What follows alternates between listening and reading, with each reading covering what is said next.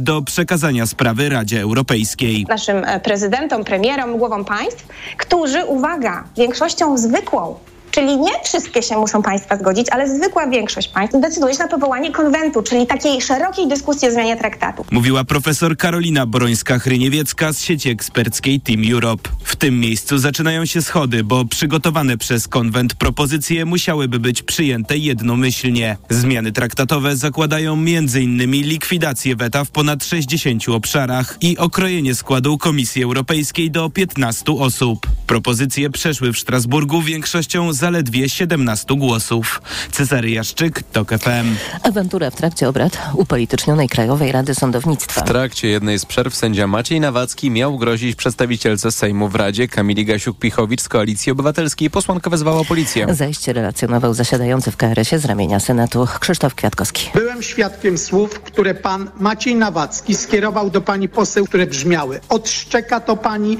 wcisnę to pani w gardło. Kierowanie gruźb karalnych w stosunku do członka organu konstytucyjnego jest absolutnym skandalem. Rzecz ma się do wypowiedzi, która została zamieszczona przez panią Gasiuk-Pichowicz, która brzmiała tak. Dziś w NeoKRS-ie zasiada na przykład taki Maciej Nawacki. Nie wykonywał orzeczeń sądów w sprawie Szczyszyna, rwał uchwały sędziów, był członkiem grupy kasta, antykasta. Tego rodzaju informacje mają charakter pomawiający moją osobę. Panie sędzio Nawacki, miał pan szansę, żeby przeprosić i zamknąć temat, a pan próbował odwracać kota ogonem. Dodawał inny przedstawiciel Sejmu w KRS, poseł Koalicji Obywatelskiej Robert Kropiwnicki. Ostatecznie Kamila Gasiuk-Pichowicz zapowiedziała, że w sprawie zachowania Macieja Nawackiego zawiadomi prokuraturę. Sędzia z kolei poinformował, że podejmie kroki prawne związane z ochroną swojego dobrego imienia. Słuchasz informacji TOK FM. Ukryty pod Parkiem Centralnym w Gdyni parking na 270 miejsc świeci pustkami. Nie przeszkadza to jednak władzom miasta we wprowadzeniu miesięcznego wysokiego abonamentu. Paweł Radzewicz. 550 zł za 30 dni parkowania przy Urzędzie Miasta to dobra cena, przekonuje wiceprzewodniczący Rady Miasta Jakub Ubych. Ona jest i tak niższa jak w strefie śródmiejskiej, więc idziemy w kierunku kroku do tyłu, patrząc na to, jakie są obecnie obowiązujące stawki. Póki co krok do tyłu robią kierowcy.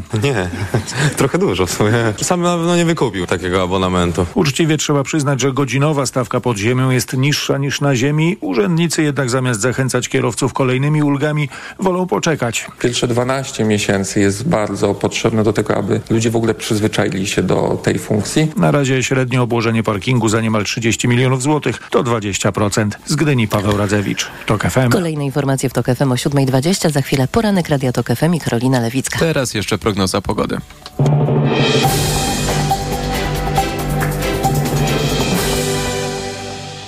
Dobrej pogody życzę sponsor programu. Japońska firma Daikin. Producent pomp ciepła, klimatyzacji i oczyszczaczy powietrza. www.daikin.pl Sponsorem programu jest Herbapol Poznań, producent leku Urosept, stosowanego pomocniczo w zakażeniach układu moczowego.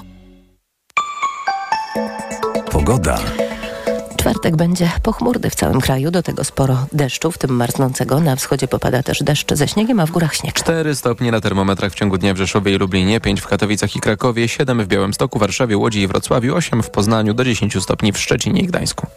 Dobrej pogody życzę sponsor programu. Japońska firma Daikin. Producent pomp ciepła, klimatyzacji i oczyszczaczy powietrza. www.daikin.pl Sponsorem programu był Herbapol Poznań, producent leku Urosept, stosowanego pomocniczo w zakażeniach układu moczowego. Radio TOK FM. Pierwsze radio informacyjne. Reklama. Czy wiesz, że Bielsko-Biała przeznacza blisko 600 zł na wydatki związane z profilaktyką zdrowotną na jednego mieszkańca, podczas gdy średnia dla pozostałych miast to około 60 zł? Z kolei Krosno z 235 czytelnikami na 1 tysiąc mieszkańców znajduje się wśród miast z największą liczbą osób korzystających z bibliotek publicznych. Chcesz wiedzieć więcej? Grupa LuxMed we współpracy ze Szkołą Główną Handlową w Warszawie i Fundacją Gospodarki i Administracji Administracji Publicznej ogłaszają wyniki drugiej edycji Indeksu Zdrowych Miast. Publikacja to zbiór informacji o inwestycjach i działaniach, jakie samorządy wdrażają, tworząc zrównoważoną przestrzeń miejską. A jak żyje się w Twoim mieście? Sprawdź najnowszy indeks na www.luxmed.pl w zakładce Działania społeczne. Reklama. Poranek Radia TOK FM. Czwartkowy poranek w Radiu Tok FM. Karolina Lewicka. Dzień dobry, witam Państwa. Nasi goście dziś to kolejno profesor Tomasz Pietrzykowski, Jan Grabiec, Eugeniusz Smolar oraz po 8.20 komentatorzy Agata Kącińska i Marcin Celiński. A teraz czas już na przegląd prasy. Rzeczpospolita na czołówce o aferze zbożowej. Dziennikarze Rzeczpospolitej dotarli do raportu Najwyższej Izby Kontroli. No i tak, słusznie się Państwo domyślają, kontrolerzy nie zostawili na PiSie suchej nitki. Działania rządu PiS były nierzetelne, nieskuteczne i spóźnione, a minister rolnictwa przyczynił się do chaosu na rynku, tak wynika z tego raportu. Wyniki kontroli są dla rządzących po prostu druzgocące. Organy państwa nie ochroniły polskich rolników przed skutkami niekontrolowanego importu, który na przykład w przypadku pszenicy wzrósł w 2022 roku do ponad pół miliona ton z niewiele ponad 3000 ton rok wcześniej. Masowy napływ przyczynił się do spadku opłacalności polskich producentów rolnych i wzrostu zapasów zboża z niespełna 4 milionów ton w połowie roku 2021 do prawie 10 milionów ton w połowie roku 2023. NIK uważa, że spory wkład do takiego rozwoju sytuacji wniósł ówczesny minister rolnictwa Henryk Kowalczyk. Wypowiedzi dla mediów w czerwcu ubiegłego roku zaapelował do rolników o niesprzedawanie zboża i rzepaku, przekonując, że ceny zbóż będą na wysokim poziomie, a w drugiej połowie roku jeszcze wzrosną. Z raportu NIK wynika, że ocena szefa resortu była błędna i nie została poparta danymi ani analizami. Decyzje producentów o niesprzedawaniu zboża okazały się fatalne w skutkach. Ceny spadły, a im dłużej ktoś zwlekał, tym więcej tracił. Działania rządzących mające ratować sytuację okazały się zaś dramatycznie spóźnione. Komentarz na stronie drugiej Aleksandra Ptak-Iglewska. Rząd dysponujący całą aparaturą analiz i ekspertyz nie ma prawa tak bardzo się pomylić. NIK wykazał bierność państwa, które kompletnie nie zareagowało na zwiastuny kryzysu. Zlekceważyło obawy rolników i nie wypracowało żadnej strategii. Ministerstwo działało doraźnie, a nikt nie pytał, skąd potem rząd bierze ogromne pieniądze na naprawę własnych błędów w sprawie zboża. Dziennik Gazeta Prawna. Także czołówka, ale to jest e, malutki mm, tekścik w lewym dolnym rogu, ale warto go przytoczyć. A ponieważ malutki, to w całości. Przeciwnicy obecnego sposobu wyboru sędziów do Krajowej Rady Sądownictwa zyskali zaskakującego sojusznika. Chociaż tak sobie myślę, że on wcale nie jest taki zaskakujący. Jest nim Piotr Pszczółkowski, sędzia Trybunału Konstytucyjnego wybrany do tej instytucji głosami PiSu. W zdaniu odrębnym do jednego z wyroków Trybunału Konstytucyjnego stwierdził, że sposób wyboru do KRS-u wypacza strukturę tego organu zapisaną w Konstytucji. Jak tłumaczy, zasiadająca w nim piętnastka sędziów musiała zyskać bardzo duże poparcie polityków przy bardzo niskim poparciu środowiska. Za ich wyborem musiało bowiem zagłosować aż 276 posłów, podczas gdy złoś, zgłosić kandydata mogła grupa zaledwie 25 sędziów, których jest obecnie około 10 tysięcy. Tak więc organ, który ma stać na straży niezależności ustroju, ma dużo większe poparcie środowiska politycznego niż sędziowskiego. Jak zapewne Państwo pamiętają, Piotr Pszczółkowski to był pełnomocnik części rodzin, o, e, części rodzin ofiar katastrofy smoleńskiej, w tym samego Jarosława Kaczyńskiego. Był także przed chwilę, przez chwilę posłem Prawa i Sprawiedliwości. Mówię przez chwilę, bo został wybrany z ramienia Prawa i Sprawiedliwości właśnie w 2015 roku, ale już w grudniu 2015 roku został wybrany właśnie z rekomendacji Prawa i Sprawiedliwości do Trybunału Konstytucyjnego, ale od początku swojej bytności w Trybunale Konstytucyjnym Konstytucyjnym sędzia Pszczółkowski działał właściwie w kontrze do pozostałych sędziów wybranych przez Prawo i Sprawiedliwość. Pamiętam, że wówczas funkcjonariusz medialny obozu władzy Samuel Pereira ubolewał, że on się odwrócił, że zapisał się do obozu politycznych oponentów, a może po prostu pana sędziego zadziałał instynkt państwowca i rzetelnego prawnika. Gazeta Wyborcza, Szanowni Państwo. Tutaj najpierw strona 12, niezwykle interesująca. Lewica będzie kierować Ministerstwem Rodziny i Polityki Społecznej i to ona ma decydować o reformie emerytur. Jak udało się ustalić e, Gazecie Wyborczej, tekst napisał Leszek Kostrzewski. Pierwsza zmiana dotyczy, która jest planowana, zwiększenia emerytur wdów, druga zwiększenia waloryzacji. Zmiany w emeryturach mają skłonić seniorów do większej przychylności wobec polityków obecnej opozycji. Na razie w tej grupie społecznej największe poparcie ma PiS. W wyborach do Sejmu i Senatu na partię Kaczyńskiego zagłosowało ponad 50% wyborców powyżej 60 roku życia. Z kolei na Andrzeja Dudę w drugiej turze wyborów prezydenckich 62% seniorów. Znowu najwięcej ze wszystkich grup społecznych. Tymczasem głos seniorów z każdym rokiem będzie odgrywał coraz większą rolę. Powód? No oczywisty. Polska gwałtownie się starzeje. Obecnie mamy już 10 milionów emerytów i rencistów.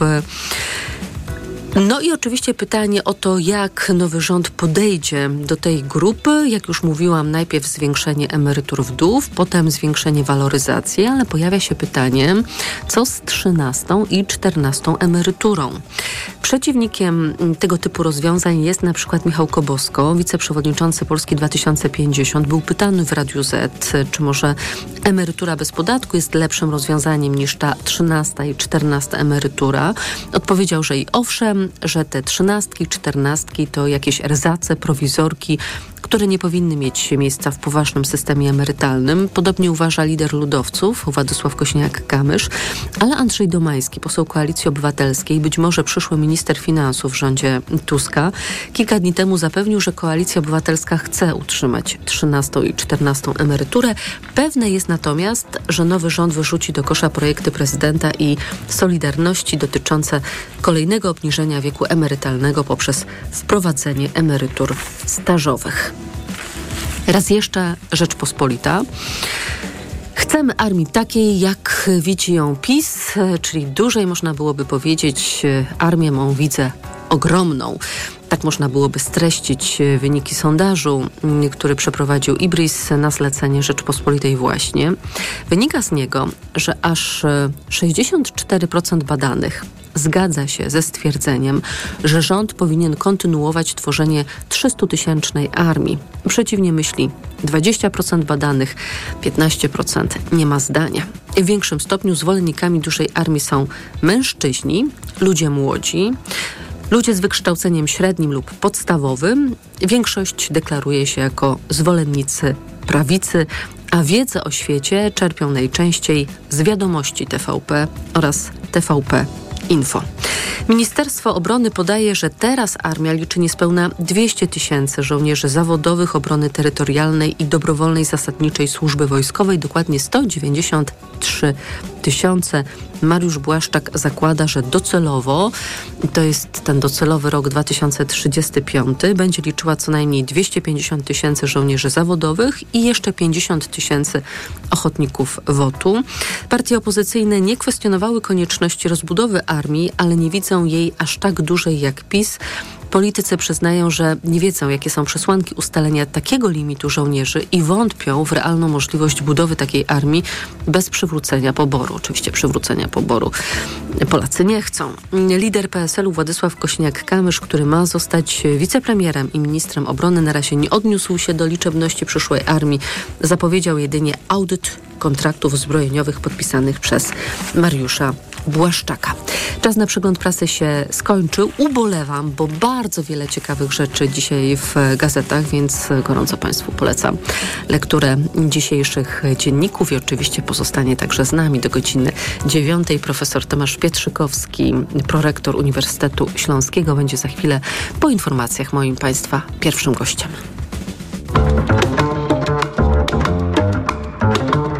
Poranek Radia TOK FM. Ekonomia to dla Ciebie czarna magia.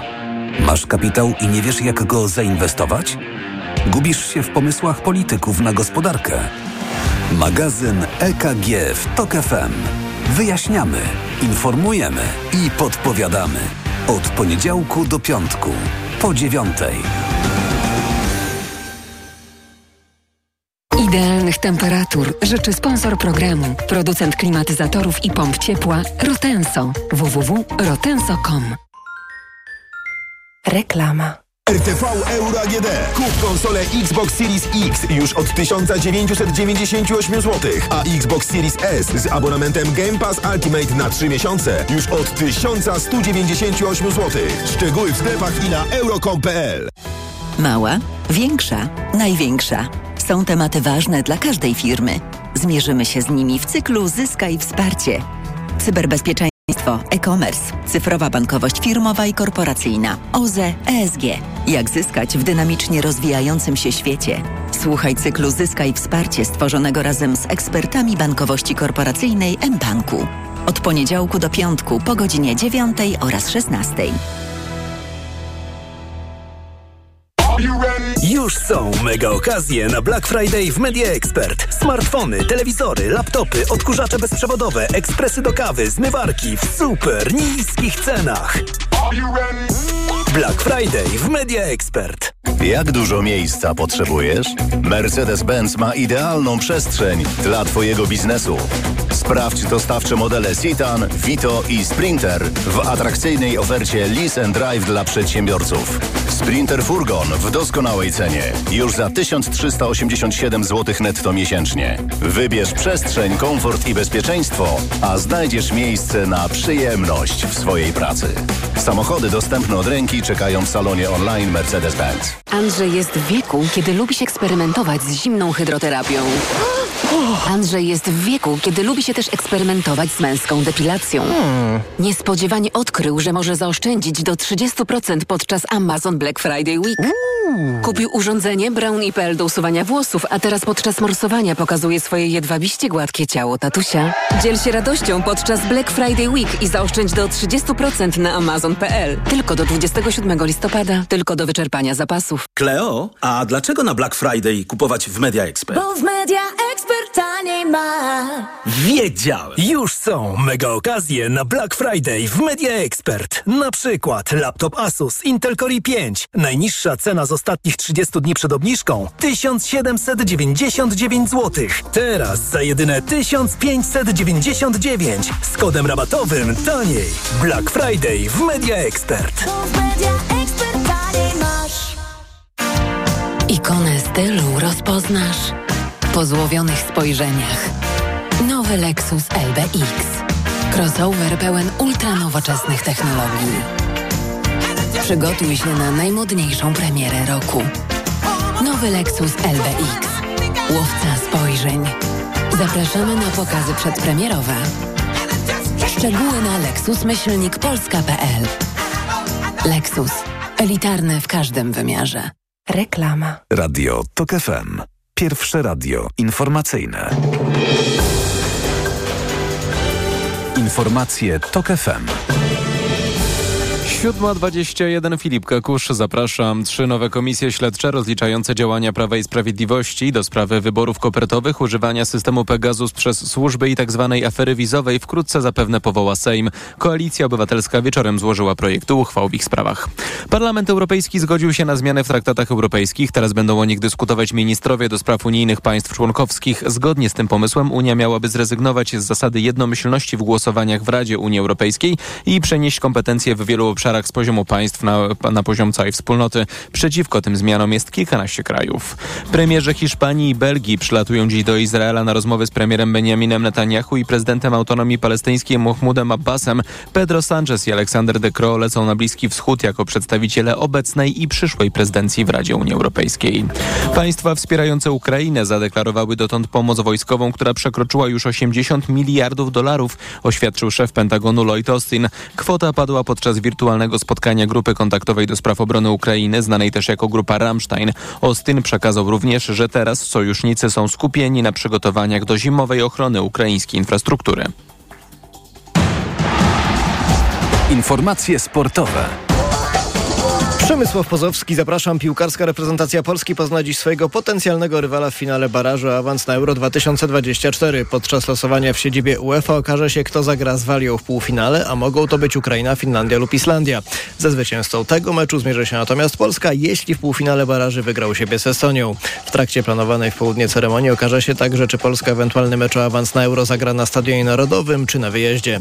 Dwa mecze, dwa zwycięstwa, zarówno Zaksa Kędzierzyn-Koźle, jak i Jastrzębski Węgiel wygrały swoje pierwsze pierwsze mecze w nowej edycji siatkarskiej Ligi Mistrzów. Zaksa nie bez kłopotów pokonał siebie Olympiakos Pireus 3 do 1, mówi przyjmujący polskiej drużyny Aleksander Śliwka. Wiedzieliśmy, że to będzie trudne spotkanie, bo wiedzieliśmy, kto jest po drugiej stronie siatki. Bardzo doświadczona drużyna, która tak naprawdę żadnego pojedynczego punktu nam dzisiaj nie oddała. E, Jakimś głupim błędem trzeba było każdy punkt sobie wywalczyć, wyszarpać i mocno na niego zapracować. A Także myślę, że stąd ten mecz był trudny, bo my też mieliśmy swoje problemy. My dzisiaj robiliśmy trochę więcej błędów własnych niż zwykle. A wieczorem Jastrzębski Węgiel wygrał bez straty seta z Guaguas Las Palmas. Dziś pierwszy mecz Asekoresowi. Rywalem drużyny z Rzeszowa będzie o 18 francuski Tour VB. Były niemiecki kolarz Jan Urlich przyznał się do stosowania środków dopingowych. Czuje się winny, oświadczył zwycięzca Tour de France 1997 roku przy okazji premiery filmu dokumentalnego Jan Urlich ścigany, która odbyła się w Monachium. W tamtych czasach w kolarstwie istniał już system, w który ja również wszedłem. Chodziło o to, żeby mieć równe szanse, mówił 49-letni Urlich podczas dyskusji po premierze. Ulrich był jedynym niemieckim kolarzem, który wygrał Tour de France. Pięciokrotnie zajmował w tym wyścigu drugie miejsce, tocząc walkę z innym zawodnikiem stosującym doping, Lensem Armstrongiem. Karierę zakończył w 2007 roku jako podejrzany o stosowanie dopingu po głośnej operacji Puerto. Teraz w sporcie to już wszystko, a za chwilę jeszcze pogoda.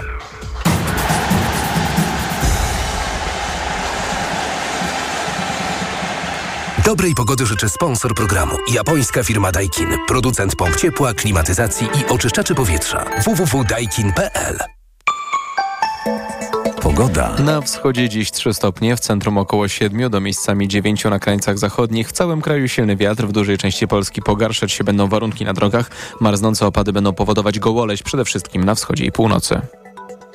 Dobrej pogody życzy sponsor programu. Japońska firma Daikin. Producent pomp ciepła, klimatyzacji i oczyszczaczy powietrza. www.daikin.pl Radio TOK FM. Pierwsze radio informacyjne. Poranek Radia TOK FM. Profesor Tomasz Pietrzykowski jest z nami, prorektor Uniwersytetu Śląskiego. Panie profesorze, dzień dobry. Dzień dobry pani redaktor, dzień dobry państwu. W języku angielskim funkcjonuje takie powiedzenie o ignorowaniu słonia w pokoju, czyli o omijaniu spraw e, trudnych. No i jak wiemy, jest to dość kiepsko rokująca strategia i stąd nasza rozmowa, bo, bo w pokoju nazywa pan następującą kwestię. Jak odnieść się do tego, że część polskich sędziów dawała się wybrać do organów powoływanych niezgodnie z konstytucją albo w niekonstytucyjnej procedurze. No i dużo mówi się o tym, że trzeba unieważnić awanse, że trzeba pozbawić wynagrodzenia, pozbawić stanowisk, ale no właśnie, niewiele zgoła nic jest o ich postawie. Tymczasem, jeżeli byli nieświadomi, w czym uczestniczą, to źle o nich świadczy. Jeżeli byli świadomi, mimo tego uczestniczyli, to źle o nich świadczy. Porozmawiajmy zatem o postawie, no właściwie nie wiem jakiej, moralnej, etycznej, a może po prostu o takiej postawie zawodowej.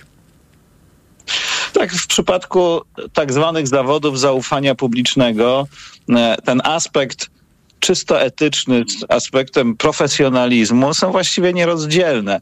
E, Stąd e, kodeksy etyki zawodowej, stąd taka waga odpowiedzialności dyscyplinarnej. To się bierze z tego, że od pewnych osób, a w obliczu kryzysu, który, który się wszystko na to wskazuje, kończy, przynajmniej póki co, e, przekonaliśmy się, że, że wśród tych zawodów z całą pewnością są także sędziowie. E, e, zawodów, od których tak naprawdę zależy nasz los, prawda? I e, od tego, kim są sędziowie, jakie osoby trafiają do wymiaru sprawiedliwości, okazało się, że, że ta ofensywa, można powiedzieć, nie, niekonstytucyjności bezprawia i, i, i próby podporządkowania jakby wszystkich sfer działania państwa ośrodkowi dyspozycji politycznej, ona się nie udała w dużej mierze dzięki temu, że środowisko sędziowskie wykazało się i to powiedziałbym, że ponad poziom oczekiwań wcześniejszych, e, właśnie tym kręgosłupem etyczno-zawodowym, e, który pozwolił im nie tylko odróżniać działania nielegalne od, od, od działań zgodnych z prawem, e, no ale także wykazać się pewną odwagą i powściągliwością w reagowaniu na, na to. Odwagą wtedy, kiedy trzeba było mm, e, e, głośno protestować, a powściągliwością wtedy, kiedy, kiedy trzeba było e, odmówić wzięcia udziału w takich łatwych, szybkich ścieżkach kariery, które, które się dzięki temu otwierały. E, I, i, i, przez długi czas, można powiedzieć, tego, co obserwowaliśmy, e, zdarzały się dość regularnie sytuacje, że wystarczyło bardzo niewiele. Władza, można powiedzieć, była wręcz, wręcz łaknęła, można powiedzieć, jakichś odruchów wsparcia ze strony środowisk prawniczych, zarówno sędziowskich, jak i, jak i eksperckich, tak to nazwijmy. No i była gotowa e, wynagradzać błyskawicznie, można powiedzieć, każdy, każdy głos wspierający te, te działania i te awanse bywały błyskawiczne. E, I związana z tym pokusa również by, była jednakowo silna.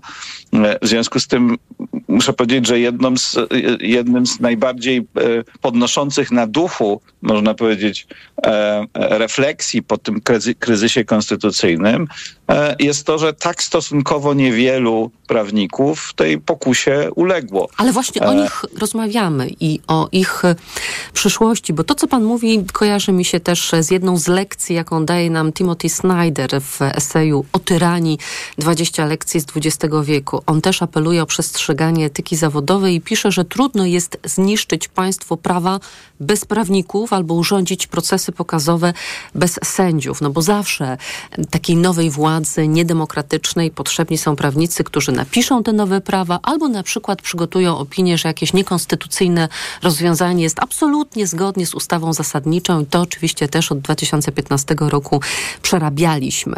No i mamy tę niewielką grupę, która uległa pokusie, która postanowiła napisać te nowe prawa, zasiąść w tych nowych, niekonstytucyjnie powołanych e, organach. I co dalej?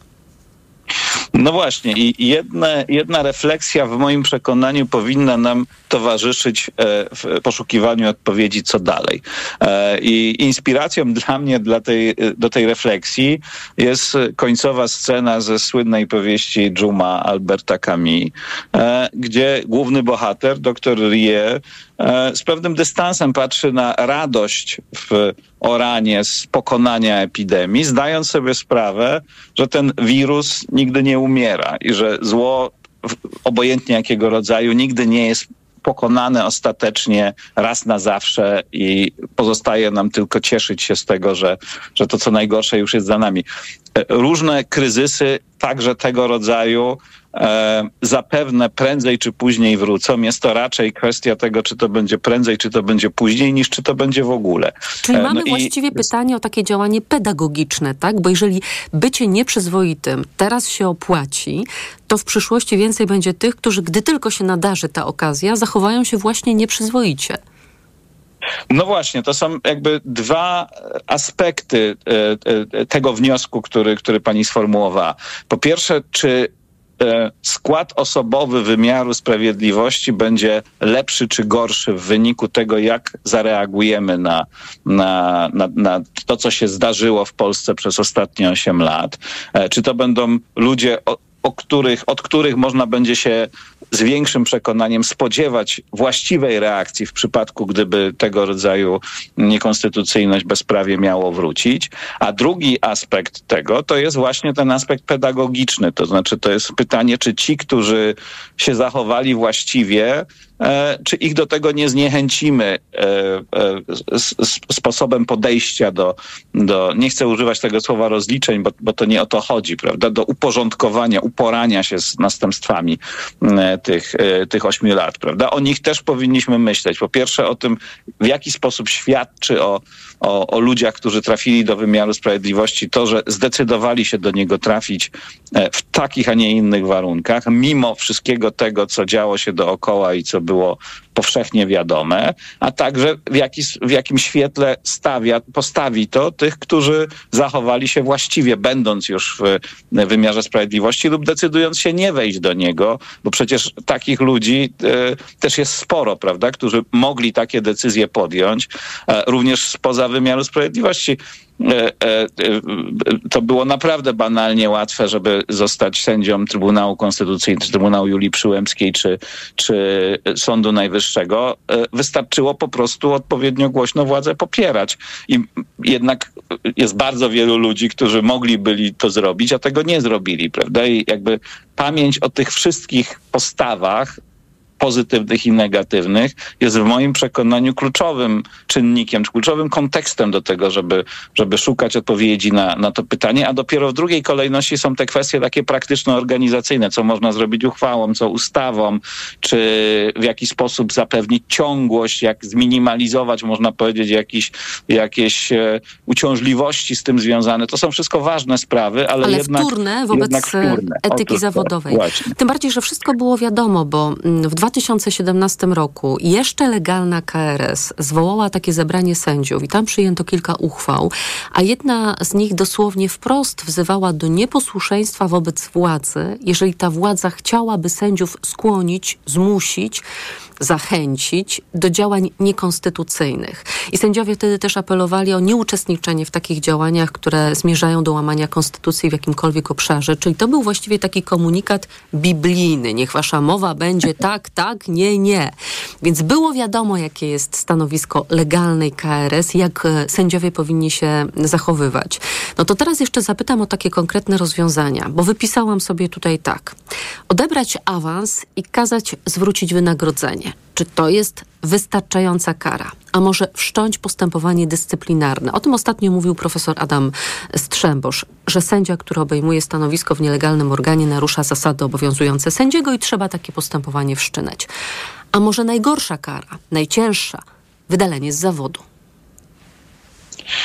Tu na pewno e, nie ma jednego i, i, i takiego samego właściwego rozwiązania dla różnych róż, e, zróżnicowanych postaw również wewnątrz tej grupy, bo oczywiście czym innym jest aktywny współudział, można powiedzieć, w, w, w niszczeniu konstytucji przez członkostwo w takich organach, prawda, E, czy, czy takie, no, można powiedzieć, gorliwe wspieranie, wspieranie te, tego rodzaju działań, a czym innym jest e, e, bierne, czy, czy, czy w, każdym, w każdym razie e, e, takie punktowe, można powiedzieć, skorzystanie z tego przez, e, przez po prostu wystąpienie, wystąp, wzięcie udziału w konkursie i, i objęcie funkcji sędziego, to na pewno należy różnicować, biorąc pod uwagę e, surowość tej reakcji, jednoznaczność tych, tych postaw, ale także wśród tych, którzy ubiegali się o, e, o objęcie funkcji sędziego, e, ta grupa również jest zróżnicowana, no bo musimy pamiętać o ludziach, którzy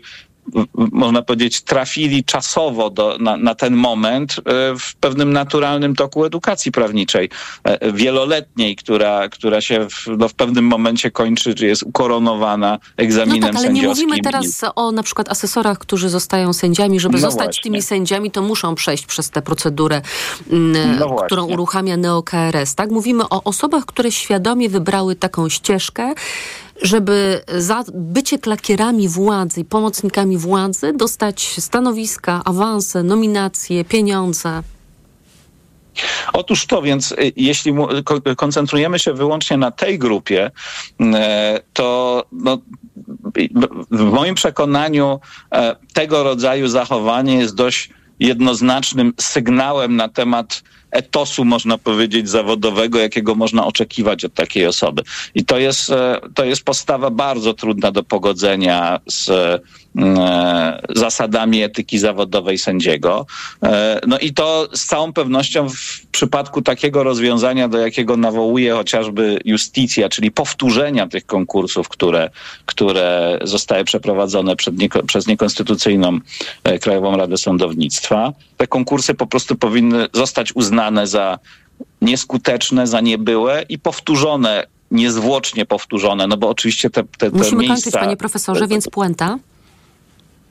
E, uważam, że to, to, to powinien być jeden z kluczowych czynników branych pod uwagę przy ponownej ocenie przydatności danych os osób e, do, do pełnienia zawodu sędziego. Fakt e, e, gotowości poddania się tym procedurom przed niekonstytucyjną Krajową Radą Sądownictwa.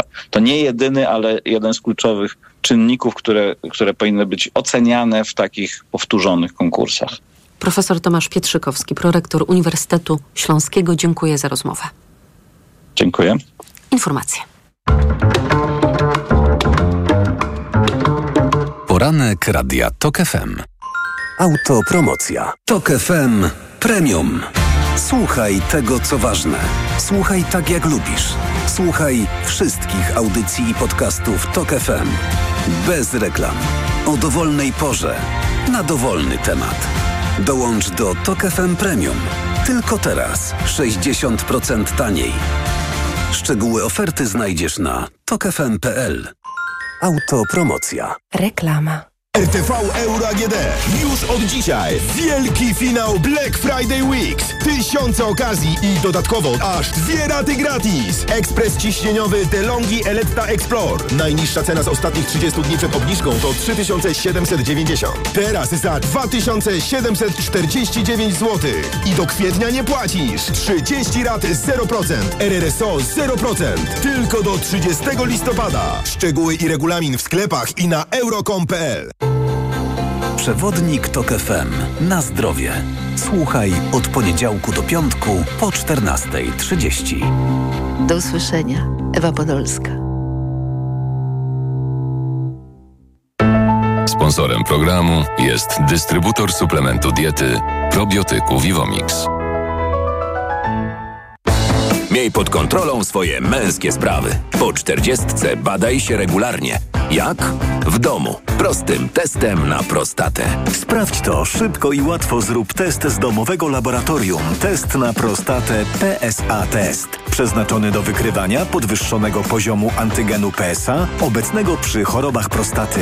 To proste. Sprawdź ten i inne testy w aptekach i na domowelaboratorium.pl. Twoje domowe laboratorium.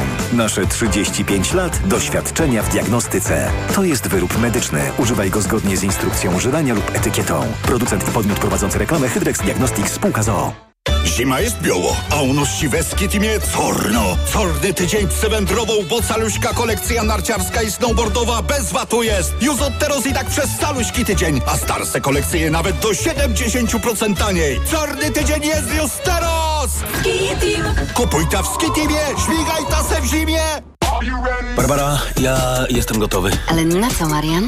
Wycisnąć na maksa, co się da z Black Friday w Media Expert. A, czyli kupić na 30 lat 0% i do kwietnia nie płacić i jeszcze dwie raty gratis dostać. A jak? RSO 0%. Więcej w sklepach i na mediaexpert.pl. Szefie, to będzie złoty biznes. Spokojnie, spokojnie, biznes trzeba robić z głową. Dlatego zanim podpiszemy umowę, sprawdź kontrahenta na big.pl. W raporcie Big Info Monitor znajdziesz dane na temat zaległych kredytów i płatności firm w jednym miejscu. Po co ryzykować współpracę z dłużnikiem? Szef to ma głowę. Ty też sprawdź wiarygodność klienta lub swojej firmy. W Big Info Monitor znajdziesz dane o długach, a dodatkowo wskaźnik ryzyka MŚP, informacje z wywiadowni gospodarczej i dane z BIK-u. Wejdź na big.pl i zabezpiecz swój biznes. Ale chwileczkę. Przygotowania do świąt z biedronkowymi oszczędnościami wciąż trwają. Teraz dostępny jest jeszcze większy wybór zabawek. Na przykład idealny dla małych artystów zestaw Lalka Koci Domek Gabi Deluxe Craft. Teraz 79,90 za opakowanie. I to są powody, by po świąteczne prezenty iść do Biedronki. Oferta obowiązuje do 24 grudnia. Produkt dostępny do wyczerpania zapasów. Pełna oferta na biedronka.pl ukośnik zabawki. Na Black Weeks jeszcze nigdy nie było tak kolorowo. Odkryj najlepsze okazje roku w MediaMarkt. Grill elektryczny Tefal OptiGrill Plus XL za 749 zł. Taniej o 30 zł. Najniższa cena z 30 dni przed obniżką to 779 zł. MediaMarkt. Reklama. Radio TOK FM. Pierwsze radio informacyjne. Informacje TOK FM. 7.41 Filip Kakusz, zapraszam. Wkrótce ma zostać ogłoszona dokładna godzina rozpoczęcia zawieszenia broni między Izraelem i Hamasem, zapowiedział rzecznik Ministerstwa Spraw Zagranicznych Kataru. To państwo pośredniczy w negocjacjach między walczącymi stronami. W zamian za czterodniowy rozejm Hamas ma zwolnić około 50 zakładników porwanych w ataku z 7 października. Tel Awiw ma wypuścić 150 palestyńskich więźniów, głównie kobiety i dzieci. Do tej wymiany nie dojdzie wcześniej niż jutro. Przyczyną eksplozji na moście łączącym Kanadę i Stany Zjednoczone najprawdopodobniej nie była bomba. Do wybuchu doszło niedaleko wodospadu Niagara, po tym jak samochód wjechał z dużą prędkością w ogrodzenie w pobliżu punktu kontroli granicznej, mówi gubernatorka stanu Nowy Jork Katie Hochul. Według wstępnego śledztwa nie ma oznak udziału terrorystów w straszliwej eksplozji, do której doszło w zachodniej części stanu Nowy Jork. W eksplozji zginęły dwie osoby, władze zamknęły mosty między USA i Kanadą. Słuchasz informacji TOK FM. Rząd Finlandii zamyka drugą połowę wschodniej granicy. Na 1300-kilometrowym odcinku granicy z Rosją dla azylantów i migrantów otwarte będzie jedno przejście na dalekiej północy w Laponii w strefie arktycznej. Reszta przepraw drogowych zostanie wyłączona z użytkowania z piątku na sobotę. Premier Peter Jorpo powiedział, że wszystko wskazuje na to, iż rosyjskie służby kierują w stronę Finlandii kolejnych migrantów, głównie z Bliskiego Wschodu. Korea Północna zapowiada, że rozmieści nowe rodzaje broni przy granicy z Koreą Południową. Rośnie napięcie między dwoma państwami po tym, jak w tym tygodniu Pjongjang umieścił na orbicie satelitę szpiegowskiego. W odpowiedzi Seul zapowiedział, że nie będzie przestrzegać zawartego 5 lat temu porozumienia, które zakazywało mu prowadzenia zwiadu wojskowego terenów przygranicznych. Reżim Kim Jong-una nie zamierza pozostawać dłużnym. Pogoda. Dziś warunki pogodowe będą trudne. Synoptycy wydali ostrzeżenia przed silnym wiatrem i marznącym deszczem powodującym gołoleć. Najgorzej będzie we wschodniej części kraju. Tam też najzimniej 3 stopnie powyżej zera, 8 w centrum do 11 miejscami na zachodzie. Radio TOK FM. Pierwsze radio informacyjne. Poranek Radia TOK FM. Jan Grabiec, poseł i rzecznik Platformy Obywatelskiej. Dzień dobry, panie pośle. Dzień dobry, pani redaktor. Dzień dobry państwu. Zadał pan wczoraj takie dwa pytania na portalu X. Czy to prawda, że prezydent Duda planuje w grudniu wyjazd na narta, a potem nadmuchanie kraba i jakoś przez dwa lata nie zdąży powołać nowego rządu? To jest ten plan na przedłużenie władzy Prawa i Sprawiedliwości? No oczywiście rozumiem, że to jest taki wpis e, żartobliwo-ironiczny, ale sprawa jest poważna, bo mm, szef gabinetu pana prezydenta Marcin Mastalerek przypomniał, że 11 lub 12 grudnia prezydent będzie z wizytą w Szwajcarii, a właśnie wtedy przypadają te terminy, kiedy fiaskiem zakończy się misja tworzenia rządu przez pana Mateusza Morawieckiego i będzie można powołać nowy rząd. A dwa dni później jest e, Rada Europejska, szczyt unijny, na którym powinien, jak rozumiem, pojawić się nowy premier. Więc jak to będzie z tym powoływaniem gabinetu Donalda Tuska? No, mam nadzieję, że będzie to zgodnie z konstytucją. 11 grudnia upływa termin na uzyskanie wotum zaufania przez rząd e, ministra, e, pre, premiera Morawieckiego, jeśli w ogóle ten rząd powstanie, bo to czeka nas jeszcze poniedziałek. Pytanie, czy premier Morawiecki zdecyduje się, żeby e, tę maskaradę dalej ciągnąć. Więc 11 grudnia również może być powołany przez Sejm nowy rząd w ramach drugiego kroku konstytucyjnego. Czyli grupa posłów 46 składa tak Składa wniosek, wniosek. Sejm głosuje bezwzględna większość i mamy premiera i mamy ministrów, mamy rząd. W drugim kroku to Sejm wybiera premiera i wybiera rząd, tak to definiuje konstytucja. I, i traktuje trochę jako kiepski żart taką opowieść o tym, że, że mm, prezydent Duda rzekomo gdzieś się wybiera, że będzie w Szwajcarii, nie wiem, jeździł na nartach, czy spotykał się no nie wiem z kim tam, ale załóżmy z jakimiś przedstawicielami e, państwa szwajcarskiego. Myślę, że pan prezydent Duda ma świadomość, że jest prezydentem Polski, e, że ma pewne obowi- obowiązki wobec e, konstytucji. E, Ta konstytucja jasno mówi o, o, o roli prezydenta, który ma obowiązek e, powołać e, premiera i ministrów wybranych przez Sejm. I tutaj stosowanie takich wybiegów, że pan prezydent będzie gdzieś w podróży, może w jednej, może w drugiej, może trzeciej, jest oczywiście naruszeniem konstytucji. Więc Czyli wy mam nadzieję, że to na były 11 grudnia. kiepskie żarty. Tak, tak, tak. Zwłaszcza, że no, byłoby czymś niepoważnym wobec samego prezydenta. Gdyby prezydent powołał rząd, a następnie nie pojawił się e, podczas e, expose premiera rządu, który sam powołał. No to jest po prostu niewiarygodne, gdyby do czegoś takiego miało dojść, bo e, Andrzej Duda sam by dezawuował, ośmieszał akt, którego sam dokonał. Czy zamierza dokonać właściwie w poniedziałek? Pan mówi, że nie wie pan, czy Mateusz Morawiecki będzie chciał ciągnąć tę maskaradę, ale chyba wskazuje na to, że jednak tak, to, że do ostatniego momentu czeka Mateusz Morawiecki z przedstawieniem składu swojego potencjalnego rządu, bo jeszcze przecież ten termin upływa w poniedziałek, a jeszcze na piątek wyznaczył termin pan premier ewentualnych spotkań z Lewicą, Konfederacją, Trzecią Drogą, chociaż nikt się nie wybiera, ale jednak jak rozumiem w to piątkowe popołudnie premier Morawiecki będzie cały czas czekał i objawi nam ministrów swojego rządu dopiero w tym ostatnim terminie, tak jak mówiłam, w poniedziałek. No to jest fikcja. Ja rozumiem, że premier Morawiecki trochę nie ma wyjścia, bo on jest dzisiaj w sytuacji kozła ofiarnego. Ktoś musi ponieść odpowiedzialność za przegrane przez PiS wybory. No przecież tej odpowiedzialności nie poniesie prezes Kaczyński. Nie poda się do dymisji, jak bywa w demokratycznych systemach i w demokratycznych partiach, gdzie zmienia się kierownictwo w momencie, kiedy partia tak sromotnie przegrywa. E, natomiast e, myślę, że wskazanym na kozła ofiarnego będzie premier Morawiecki. Wszystko na to wskazuje i on próbuje się tak ratować, że może jeszcze tydzień będzie premierem, może jeszcze dwa że nie wypada tak otwarcie atakować premiera własnego rządu. W związku z tym uważa, że to będzie taka tarcza przed e, rozliczeniami wewnątrz PiSu, ale myślę, że to są takie nadzieje dosyć naiwne, bo wielu polityków PiSu ma świadomość, że jeśli nie rozliczą tych przegranych wyborów, to, to będą przegrywać kolejne wybory pięć razy, osiem razy, dziesięć razy, e, więc e, myślę, że tam dzisiaj buzuje w PiSie i wszyscy się zastanawiają, kto będzie pierwszy, który rzuci kamieniem w Morawieckiego. No to dopiero myślę, że te rzucanie kamieniem uruchomi się po wyborach do Parlamentu Europejskiego rozłamy ewentualne, rozliczenia, to chyba nie przed kampanią samorządową, nie przed kampanią europejską. A w ogóle premier Morawiecki zapowiedział, że dzisiaj powoła szefa Komisji Nadzoru Finansowego i wydarzy się to dosłownie w ostatnim dniu kadencji obecnego szefa. I niby wszystko prawnie jest ok, ale jak wiemy, dobrym obyczajem jest, że ustępujący premier nie dokonuje już takich wskazań personalnych, bo wiadomo, że za chwilę jest sukcesja. No, pamiętamy prezydenta Andrzeja Dudę sprzed 8 lat, który apelował, żeby e, rząd e, premier Ewy Kopacz, mimo że było jeszcze pół roku rządzenia. Bo to był maj. Tak, 2015 roku wybory były w październiku. Tak, nie podejmował żadnych istotnych decyzji e, kluczowych. E, widzimy, że dziś prezydent Duda już y, takich przekonań nie ma, chyba zmienił zdanie, a może, a może chodzi o to, że no, chce tworzyć taki parasol ochronny nad tym, co się dzieje wokół urzędu premiera Morawieckiego. No niewątpliwie, jak nie wiadomo do końca o co chodzi, to chodzi o pieniądze, chodzi o stanowiska, chodzi o dobrze płatne stanowiska, o utrzymanie chociaż części tej szarańczy pisowskiej na etatach jak najdłużej. To tutaj ja nie mam wątpliwości, że y, PiS jest partią antypaństwową. To widać nie tylko po tym rządzeniu przez 8 lat, ale również po stylu przekazywania władzy, że ich nie, nie interesuje status państwa polskiego, sprawność instytucji. Ich interesują tylko łupy, które są w stanie e, wyprowadzić e, z państwowych właśnie instytucji, z fundacji, stowarzyszeń. No KNF dysponuje budżetem w wysokości 500 milionów złotych, więc no...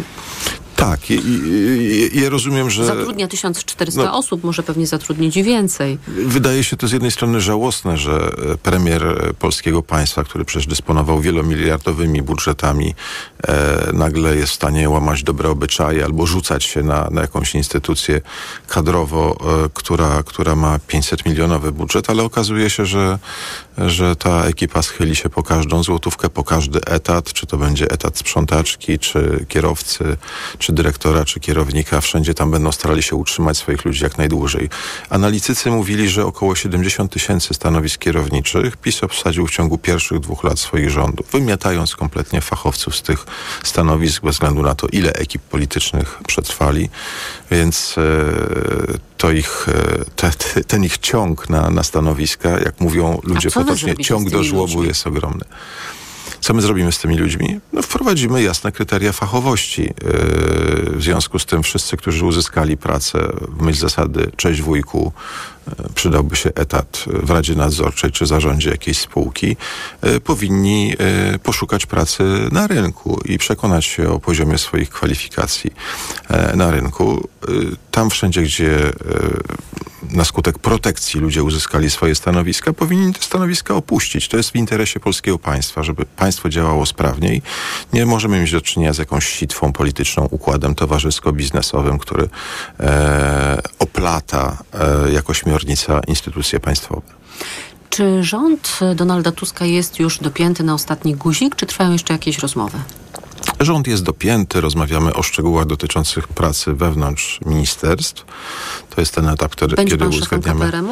Yy, premier Tusk decyduje o obsadzie ministerialnej i, i wszyscy jesteśmy do dyspozycji w Platformie Obywatelskiej, Koalicji Obywatelskiej, ale co ostatecznie zdecyduje pan premier, wiemy z doświadczenia, że, że dopiero z mównicy sejmowej okaże się, kto jaką funkcję będą, będzie pełnił, bo, bo wszyscy z jednej strony jesteśmy do dyspozycji i z drugiej strony nikt nie może czuć się pewien, że, że e, będzie wykonywał jakieś obowiązki. To zależy od koncepcji rządu e, pana premiera. Donald Tusk mówi tak. Dysponujemy większością, by postawić prezesa NBP przed Trybunałem Stanu. Analizujemy te kwestie, bo chcemy w sposób odpowiedzialny używać tego narzędzia. A ja słyszę, że decyzja polityczna w sprawie Adama Galpińskiego już zapadła, że w przyszłym tygodniu ukonstytuuje się Komisja Odpowiedzialności Konstytucyjnej, która nie będzie organem martwym, tylko weźmie się do roboty i że faktycznie Adam Glapiński ma przed Trybunałem Stanu stanąć.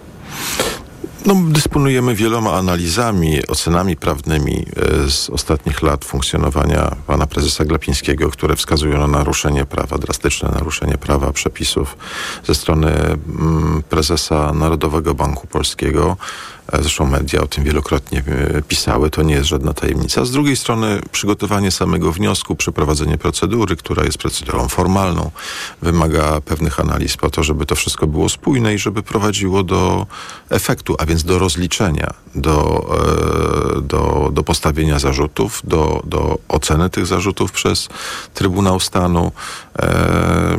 Ja też nie wykluczam, że równolegle mogą się toczyć postępowania prokuratorskie w niezależnej prokuraturze, bo przecież doniesienia w tej sprawie również były kierowane i przez obywateli, i przez parlamentarzystów, ale myślę, że Trybunał Stanu jest odpowiednim miejscem, żeby ocenić e, naruszenia prawa ze strony prezesa NBP. Mówił Pan o tych doniesieniach medialnych. Media pisały przede wszystkim o działaniach e, NBP w okresie pandemii. Rząd zadłużał nas emitując obligacje. Te obligacje kupowały banki komercyjne, a potem skupował je od tych banków Bank Centralny łącznie na sumę 140 miliardów e, złotych. Konstytucja mówi o zakazie pokrywania deficytu budżetowego przez zaciąganie zobowiązań w e, NBP artykuł też 200, 200, tak, 200 ustawy budżetowej mm, o tym mówi. E, Wicemarszałek Sejmu Piotr Zgorzelski już rok temu mówił, że dysponuje taką ekspertyzą, która mówi o złamaniu konstytucji przez Adama Glapińskiego. O to mniej więcej chodzi? Między innymi, znaczy generalnie e, wielokrotnie e, prezes e, Glapiński udowodnił, że działa w myśl interesu partii rządzącej, a nie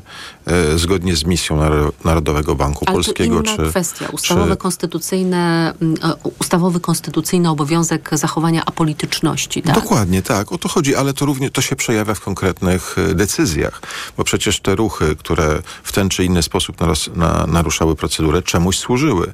One nie służyły kondycji, e, jakby wypełnianiu roli konstytucyjnej prezesa NBP czy e, Rady Polityki Pieniężnej. One służyły zapewnieniu interesów e, partii rządzącej, bo tam chodziło o, o rytm wyborczy, chodziło o uzyskanie odpowiedniego efektu w kampanii politycznej. No na tu nie mówimy nawet o jakimś sprzyjaniu rządowi. już nie, Chociaż tak?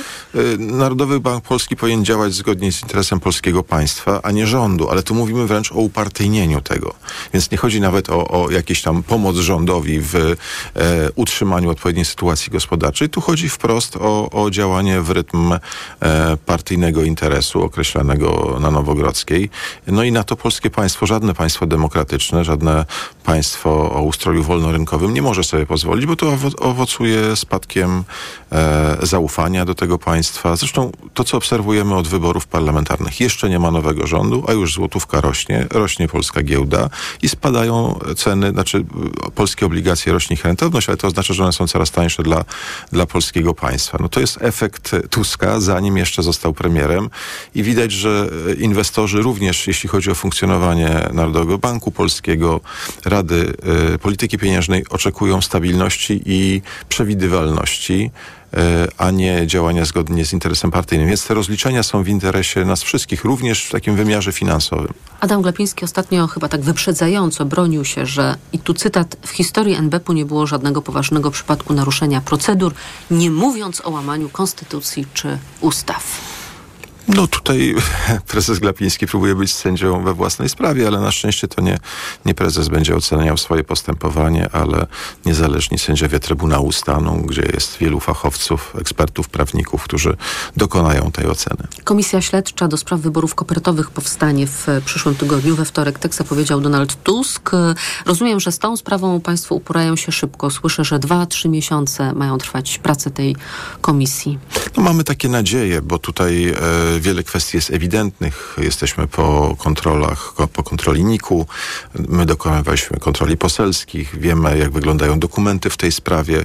E, najciekawszym elementem będzie chyba, no po pierwsze to, że premier Morawiecki podpisał niezgodne z prawem zarządzenie, więc to jest kwestia odpowiedzialności i konstytucyjnej i karnej w tym zakresie, e, bo przejął e, organizowanie wyborów od Państwowej Komisji Wyborczej bez podstawy e, ustawowej. To jest oczywiste naruszenie prawa i premier Morawiecki powinien ponieść konsekwencje, ale ciekawe będą również e, te polecenia ustne wydawane przez polityków PiSu, chociażby e, zarządowi Poczty Polskiej. Myślę, że tutaj zeznania przed komisją śledczą pod rygorem e, odpowiedzialności karnej rzucą nowe światło na to, czego się domyślamy, ale co stanie się jawne wszemi wobec, jak wyglądało e, to, ta, ta próba obejścia przepisów prawa i, i organizowanie e, wyborów na telefon tak naprawdę za pośrednictwem Poczty Polskiej, która zresztą do dzisiaj finansowo jest w coraz gorszej e, sytuacji, a te zmiany kadrowe w poczcie wymuszone były właśnie pomysłem Kaczyńskiego na to, żeby poczta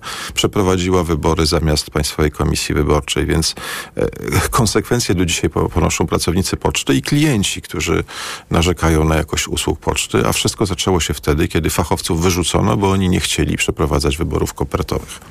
Jan Grawiec, poseł i rzecznik Platformy Obywatelskiej, był moim Państwa gościem. Dodam tylko, że Jacek Sasin mówi, że stawi się przed oblicze komisji, bo nie ma nic do ukrycia i niech ktoś udowodni, że zostały złamane konstytucyjne Jacek zasady Sasin organizacji nie ma innego wyborów. wyjścia. Gdyby się nie stawił, zostałby doprowadzony. Dziękuję za rozmowę. Dziękuję bardzo. Informacja o ósmej przed nami. Poranek Radia TOK FM. Reklama. RentMe. Wynajmij wymarzony sprzęt w MediaMarkt. Teraz w MediaMarkt wynajmiesz każde urządzenie i to od ręki. Potrzebujesz komfortu użytkowania bez konieczności kupowania? RentMe jest dla Ciebie. Bądź na bieżąco z technologią. Usługi MediaMarkt. Wiadomość dla tych, którzy czekają na dobrą okazję na zakup smartfonu. Nie musisz czekać na Black Friday. W sklepie Samsung.pl już teraz kupisz smartfon Galaxy A5